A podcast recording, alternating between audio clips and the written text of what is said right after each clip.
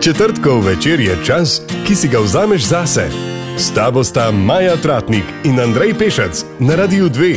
Naši četrtkovi večeri na Radio 2 so seveda rezervirani za pogovor in tudi danes v moji družbi gost Andrej Pešec, ki ga lepo pozdravljam. Lep pozdrav. Andrej, današnja tema bo posvečena vsem poslušalkam in poslušalcem, ki že imajo otroke, uh, oziroma tudi tisti, ki so morda v pričakovanju, razmišljajo o tem, kakšni starši bodo, ker um, starševstvo je pa res ena taka naloga, kjer se znanja ne naučimo v šoli. Ali pa na internetu. Veliko je sicer podatkov, ampak od starševstva kot tako je vendarle tako zelo zahtevna naloga, kjer informacij, ta pravih, kaj je prav in kaj ni, ne obstaja. Uh, težko bi se z vsem strinjal, kar si rekel, s zadnjim delom. No, Stajo, super, vse zato, da boš potem lahko. Ja. S tem, da je res, da v teoriji so stvari precej preproste ponoviti, praksa je včasih precej bolj zahtevna. Ravno predtem sem prišel sem, sem govoril s prijateljem dobrim ki uh, resnično se trudi po najboljših močeh, pozna, kako delati, recimo znanje črpa iz modrosti različne in preučuje razne eksperte in v praksi študira, kako stvari, uh, kako stvari koristiti. Je pa uh, res, da ni to znanje uporabno samo za starše, ampak za vse, ki z mlajšimi delajo tako ali pa drugače. Vsak od nas ima upravka z mlajšimi, ali na avtobusu ga srečaš, ali imaš nečake, ali imaš vnučke, ali imaš sosede, ali delaš nekje z nekom in je. Zato zelo dobrodošlo znanje za življenje pridobivati tako ali drugače. Če ne drugače, saj v praksi, se pravi tako, da poskušaš, kaj deluje, kaj ne deluje. Sam sem pa velik navijač, da poiščeš ljudi, ki so srečni, ki so uspešni, ki imajo čut za nekoga drugega in se začneš aktivno učiti od njih. Uh mhm, -huh, ker podatkov recimo je res veliko. Ne? Prej sem rekla, ni podatkov, ni znanja, po drugi strani je pa včasih znanja v narekovajih, mogoče ne pravega znanja, preveč. In je težko izluščiti tisto, kar je ta pravo, oziroma kar je pravo za nas. Zato sem velik navijač tega, da se da si človek pomaga s preverjenim znanjem, ki se je iz generacije v generacijo prenašalo. Sam ga črpam še posebej v modrosti, stari, se pravi v vedski modrosti. Uh mhm. -huh. In ljudi, ki hkrati poznajo in sodobno pedagogiko, ki, ki poznajo sodobno psihologijo.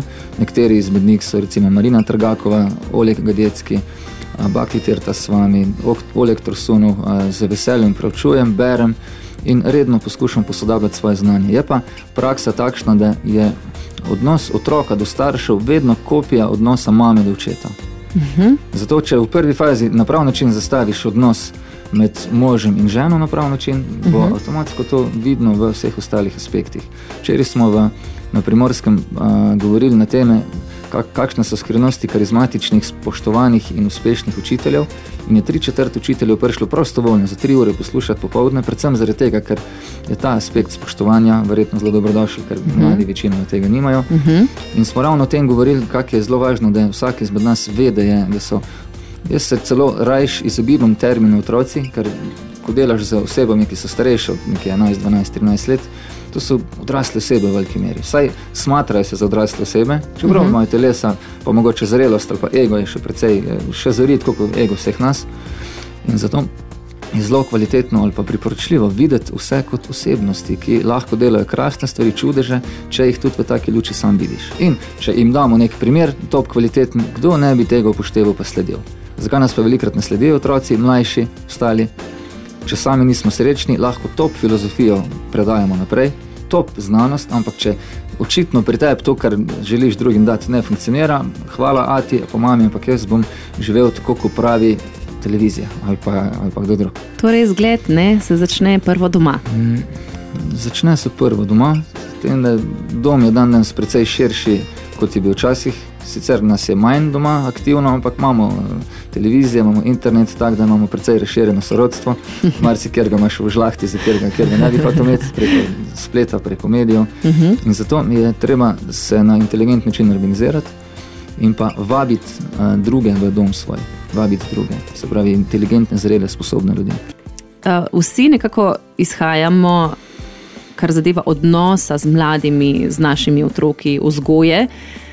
Ker rečeš, meni so tako naučili, jaz to tako znam in to znanje predajaš naprej. Um, lahko je to nek po nekem občutku, ampak ponavadi, verjetno se boš strinjal z mano, so vsi ti občutki nekako povezani s tem, kar so nas že naučili. Ne? Primarna družina, starši, neki um, vzorci, ki smo jih pobrali in jih hočemo ali včasih tudi nočemo, predajamo naprej med mlade, med svoje otroke. Ja, to vsekakor drži, s tem, da mi se nažalost nismo naučili absolutno točnih pristopov, ker vidimo, da starši niso bili na no, kljub trudu, 108-odstotnem, uh, ni dost uh, samo trud, da ti recimo eno krasno hišo postaviš, če nimaš pojma o gravitaciji, arhitekturi, boš da ti na papirju hiše rišeš ali uh mhm, -huh, postavljaš. Uh mhm. -huh.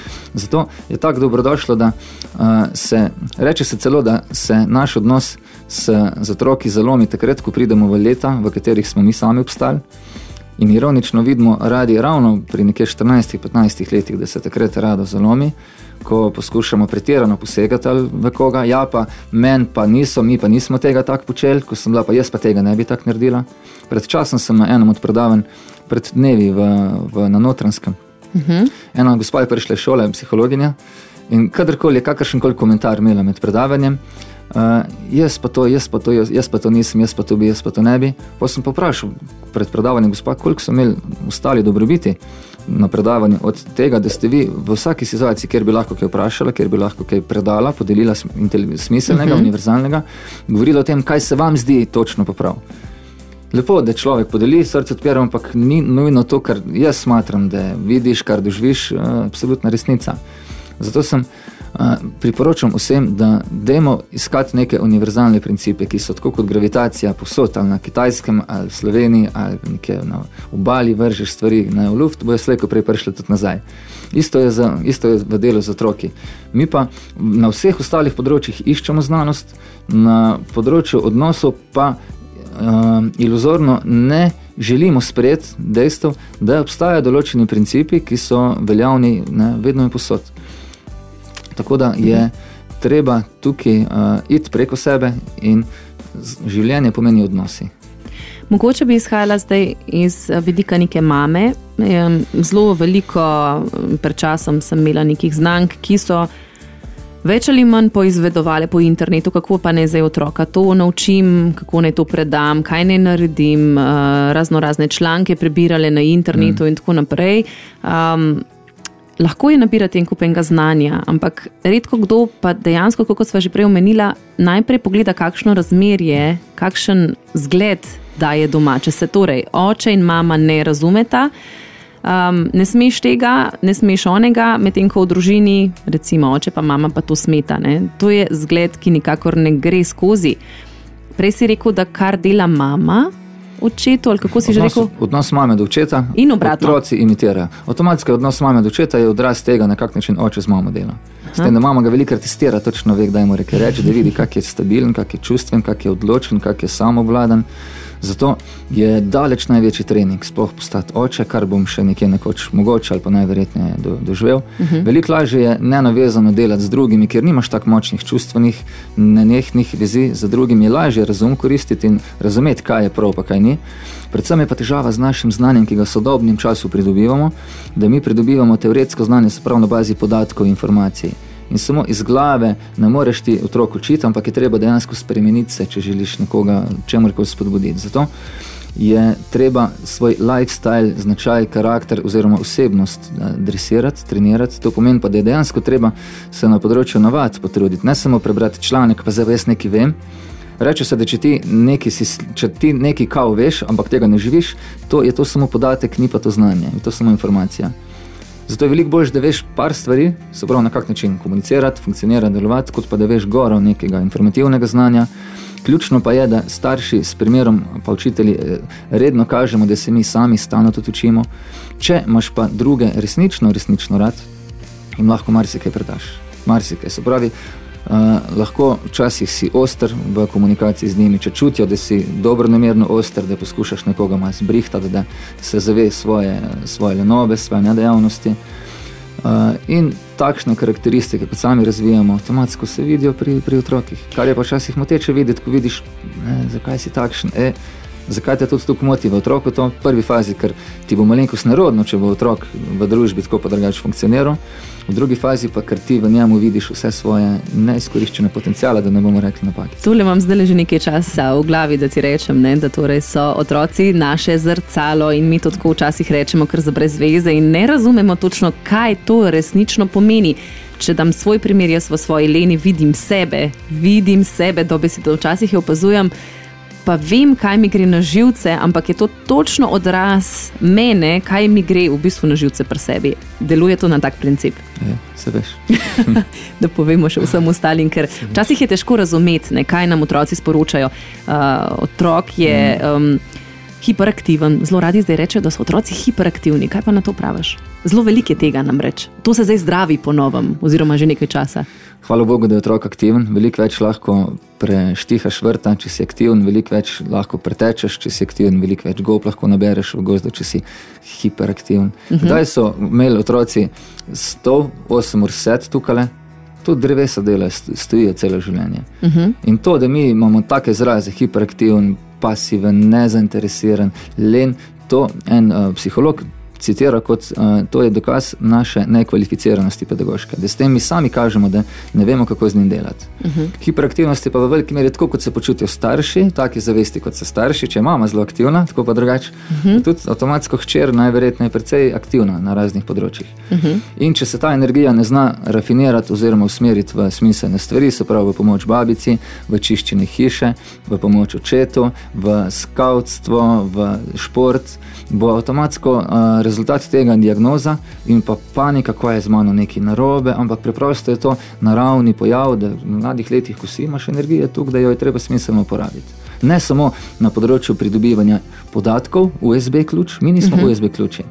In zato moramo to kot starši, kot učitelji vedeti, da je otrok rabi biti aktiven. In vsak izmed njih je biser, samo treba je par stvari še odkriti.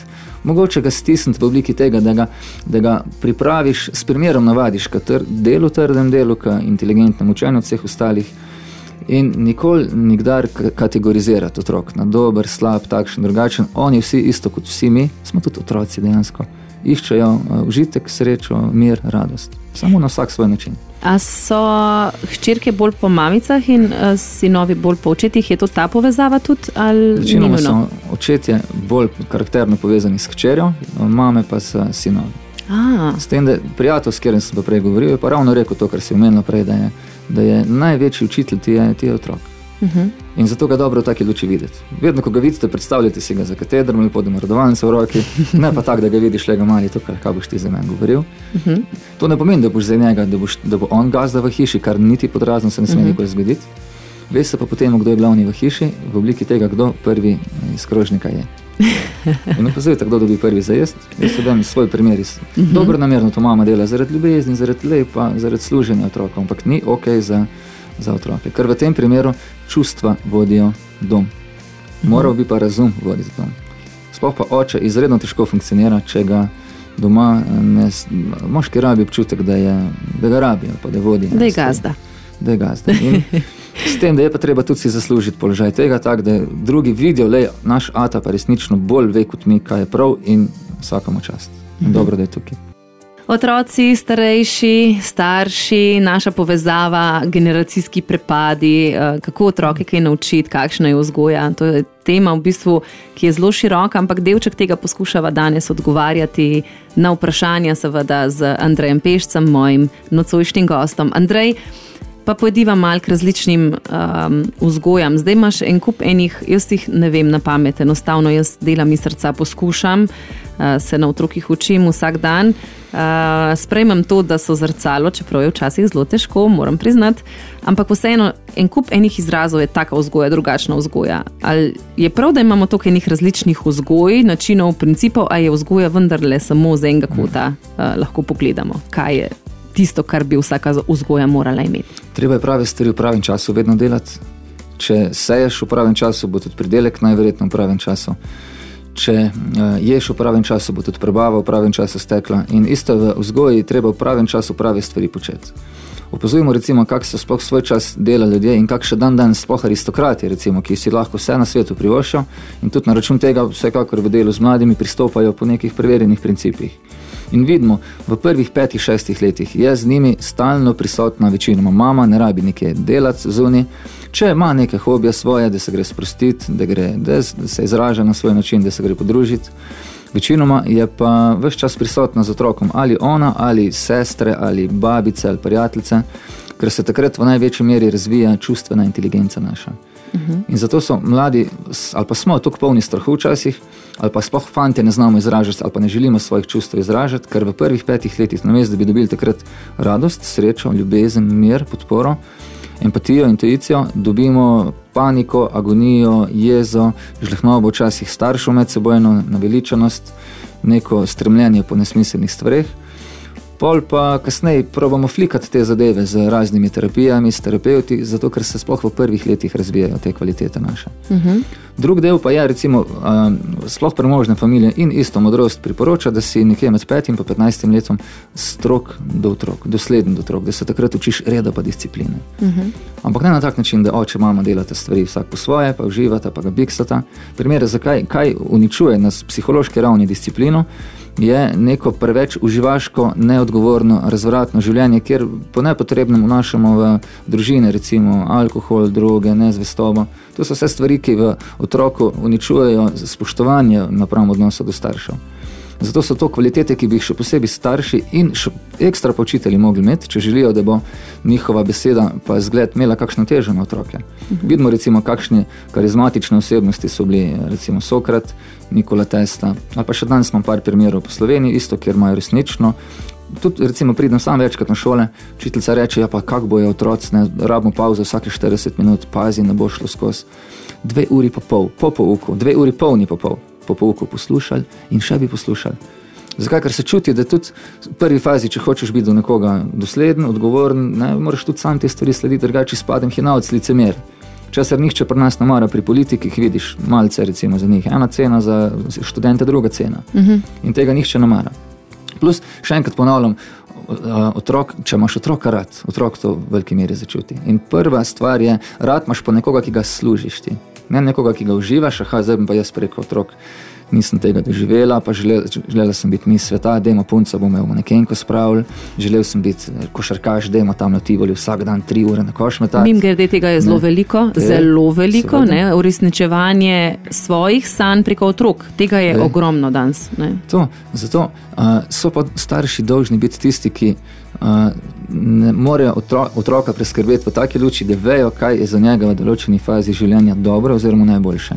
Zato ne smemo samo otroka poslušati, kaj bi on rad, ampak mora starš s pomočjo globokega, temeljitega psihološkega in duhovnega znanja vedeti, kako z otrokom delati v maternici, kako v prvih 4-5 letih, kako v naslednjih 10 letih in pa kako po času pubertete, kar pa je sploh najpogostejši izziv dan danes, da se takrat dojame, da je treba priti na prijateljski, dobronameren, odprt, nek svoboden način do otroka.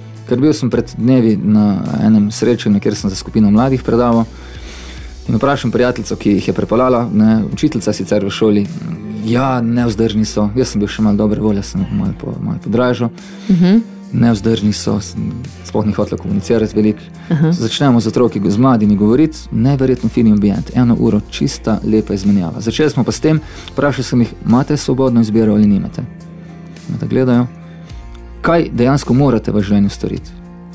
Mhm. Ja, moramo v šolo, moramo hoditi. Sem rekel, ni treba hoditi v šolo. Vi se odločite, lahko se doma starši spričkate, skregate, ne vem še kaj, zaprete v sobo, sami se odločite. Ampak tudi plačate ceno tega, če ne greste v šolo, vam bo nekje nekoč najverjetneje nerodno, če ne boste znali brati, popisati. Službo bo precej težko dobiti, če se ne boste resnično znašli na drug način. Uh mhm. -huh. Druga stvar, moramo meditirati zjutraj, so ljudje iz ene, iz ene skupnosti. Uh mhm. -huh. Sem rekel, ni vam treba meditirati. Lahko probate staršem pojasniti, da jaz ne bom tega delal, dosti stari. Ampak naredite test.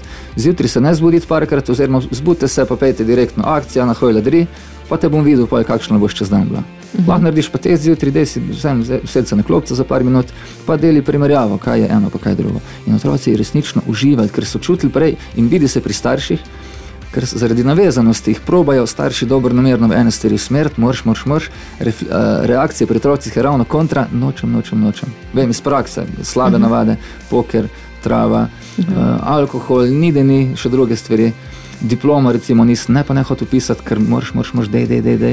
Uh -huh. Ko se stvari spremijo, le, ok, da si star že veš, takrat se stvari pa zgodijo kar naenkrat za ekstremno hitrost. Zato je na tak način treba pristopiti po tem času.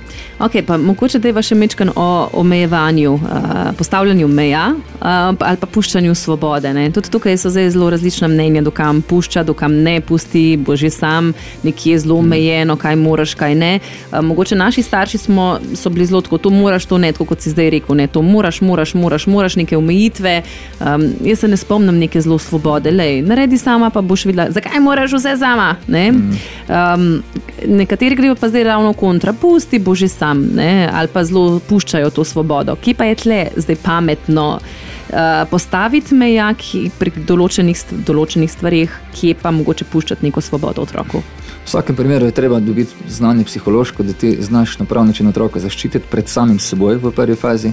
Tako da ne bo na račun, recimo, večino otrok bi igrice igrali več čas. Uh -huh. je spet tukaj treba nek balans postaviti, da je ravno prav akcije, da je ravno prav druge stvari.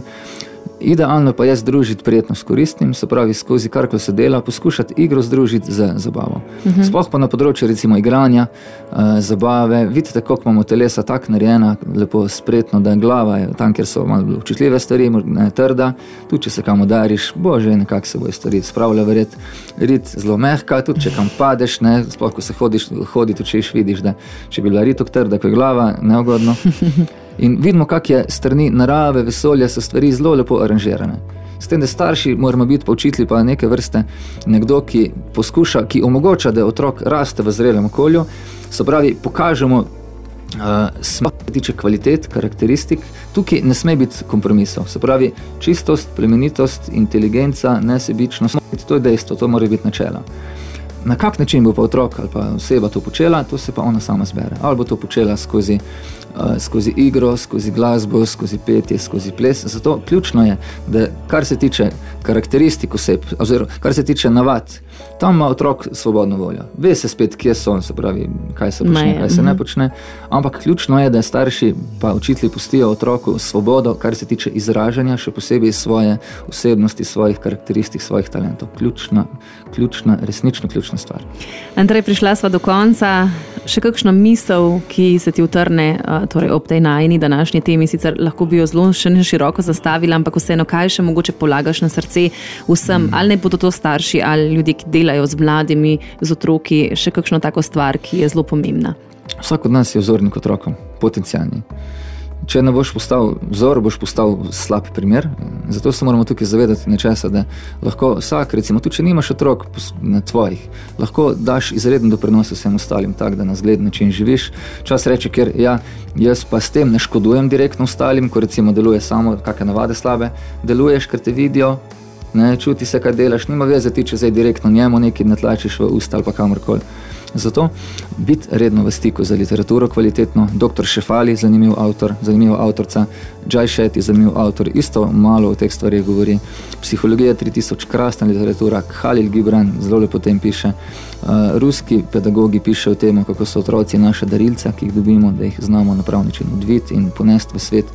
Tako da biti redno v stiku s takimi osebinami, za ljudmi, ki se učijo oziroma vejo, kako živeti in pa vedeti eno stvar, da narava, vesolje, Bog, kakorkoli temu rečeš, vedno na inteligent način za vse za nas poskrbi, če mi na inteligent način skrbimo za ostale.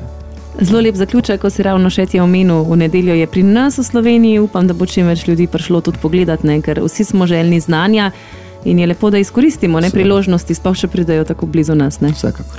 Andrej, hvala za danes. Um, pa prijeten večer želim, in pa se zopet uh, srečava prihodnji četrtek. Hvala. S teboj sta bila Maja Tratnik in Andrej Pešec. Predlagaj jima naslednjo temo in nam piši na jutroafna radio 2.0.